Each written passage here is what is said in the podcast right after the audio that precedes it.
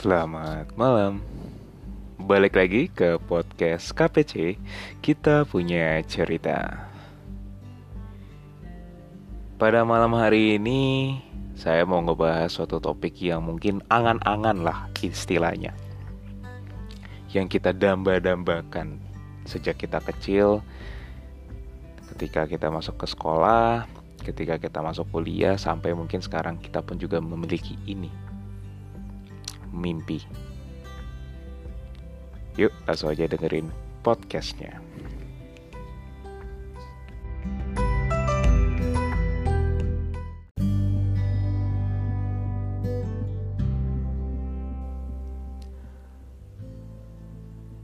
Mimpi adalah kunci untuk kita. Enggak deh, itu lirik lagu. Lirik lagu dari Laskar Pelangi ya yang dibawakan oleh band Niji dulu. Baiklah kalau misalkan mimpi mimpi itu kalau menurut saya suatu hal yang angan-angan banget lah yang di atas atas atas banget lah. Dan apa sih mimpi itu? Mimpi kadang-kala kita nggak sadar kita sebenarnya udah dibentuk atau kita sebenarnya udah punya mimpi itu sejak kita kecil dari mana? Dari lingkungan kita, dari didikannya kita, dari kemauannya kita, hasrat yang tidak bisa tercukupi, hasrat yang tidak bisa terpenuhi. Terbentuklah namanya mimpi. Tapi apakah semua mimpi itu harus bisa terwujud? Atau apakah mimpi itu suatu hal yang tergapai sebenarnya? Saya memiliki mimpi yang tidak pernah terwujud dan saya yakin tidak akan sama sekali terwujud hingga ke depannya. Apa? Cita-cita saya menjadi dokter. Mimpi saya menjadi dokter. Mimpi saya waktu kecil ada dua, yaitu menjadi dokter. Menjadi dokter kenapa? Kenapa saya? Saya ingin jadi dokter pokoknya. Sejak kecil saya berusaha mendapatkan peran kalau misalkan main dokter-dokteran, saya nggak mau jadi pasien, saya mau jadi dokter mau apa pun itu saya mau jadi dokter waktu itu saya di season 1 saya juga pernah ngomong ketika jadi dokter kecil. Terus SMP SMA saya juga pengen waktu itu ketika udah mau masuk kuliah saya registrasi menjadi dokter fakultas kedokteran. Kedokteran is my life ya kan waktu itu. Tapi semua itu runtuh ketika saya udah masuk.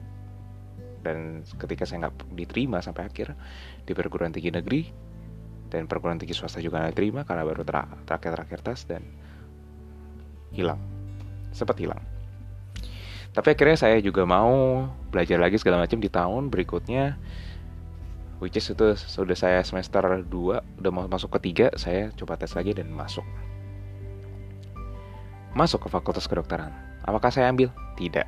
Kenapa saya nggak ambil? Karena sudah ya sudah saya kira mensyukuri yang sudah saya punya sekarang saya udah masuk ke fakultas yang sekarang dan saya sudah mempunyai lab dan dipercaya di situ saya lakukan amanahnya juga di situ.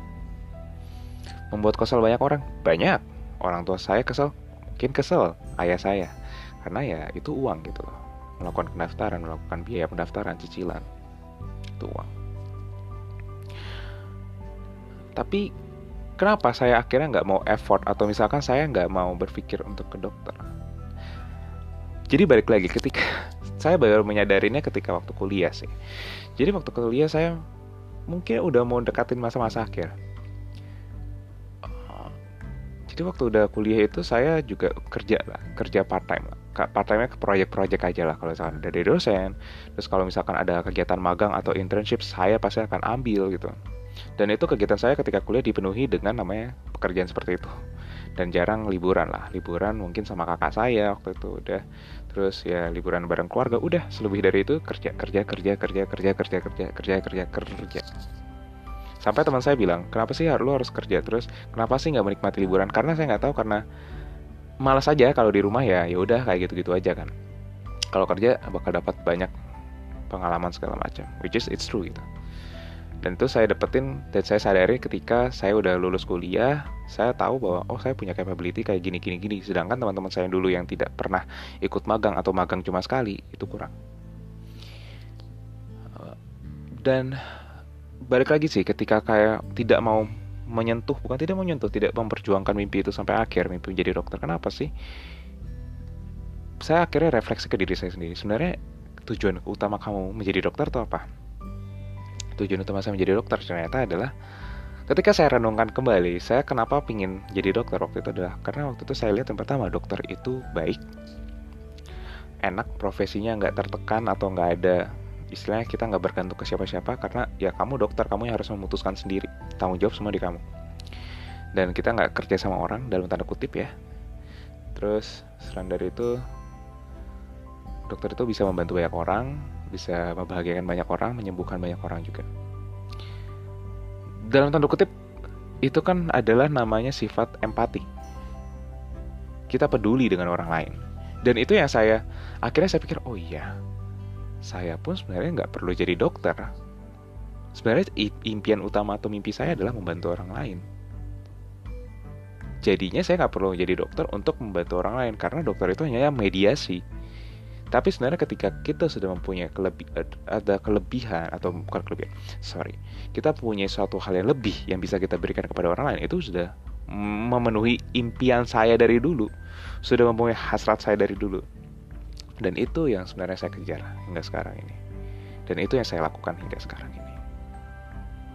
Jadi ketika teman-teman atau rekan-rekan yang mungkin mendengarkan ini masih di usia muda atau misalkan udah di usia 25 atau di angka udah mau menuju 30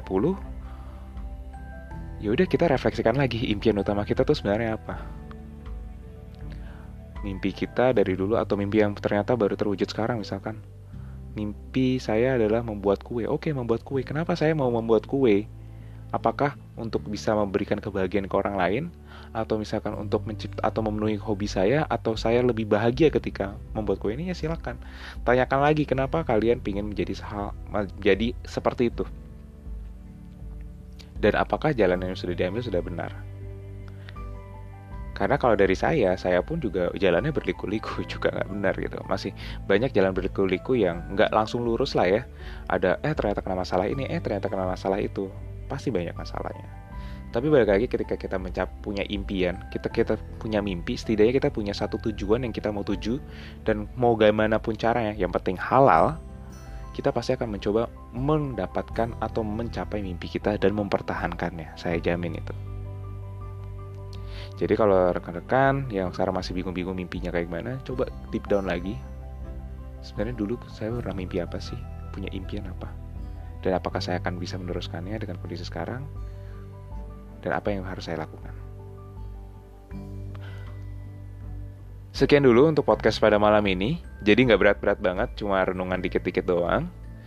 Semoga ini juga berkenan buat teman-teman yang dengerin. Sampai jumpa di episode podcast berikutnya tetap di tetap tetap atau stay tune di podcast KPC kita punya cerita selamat malam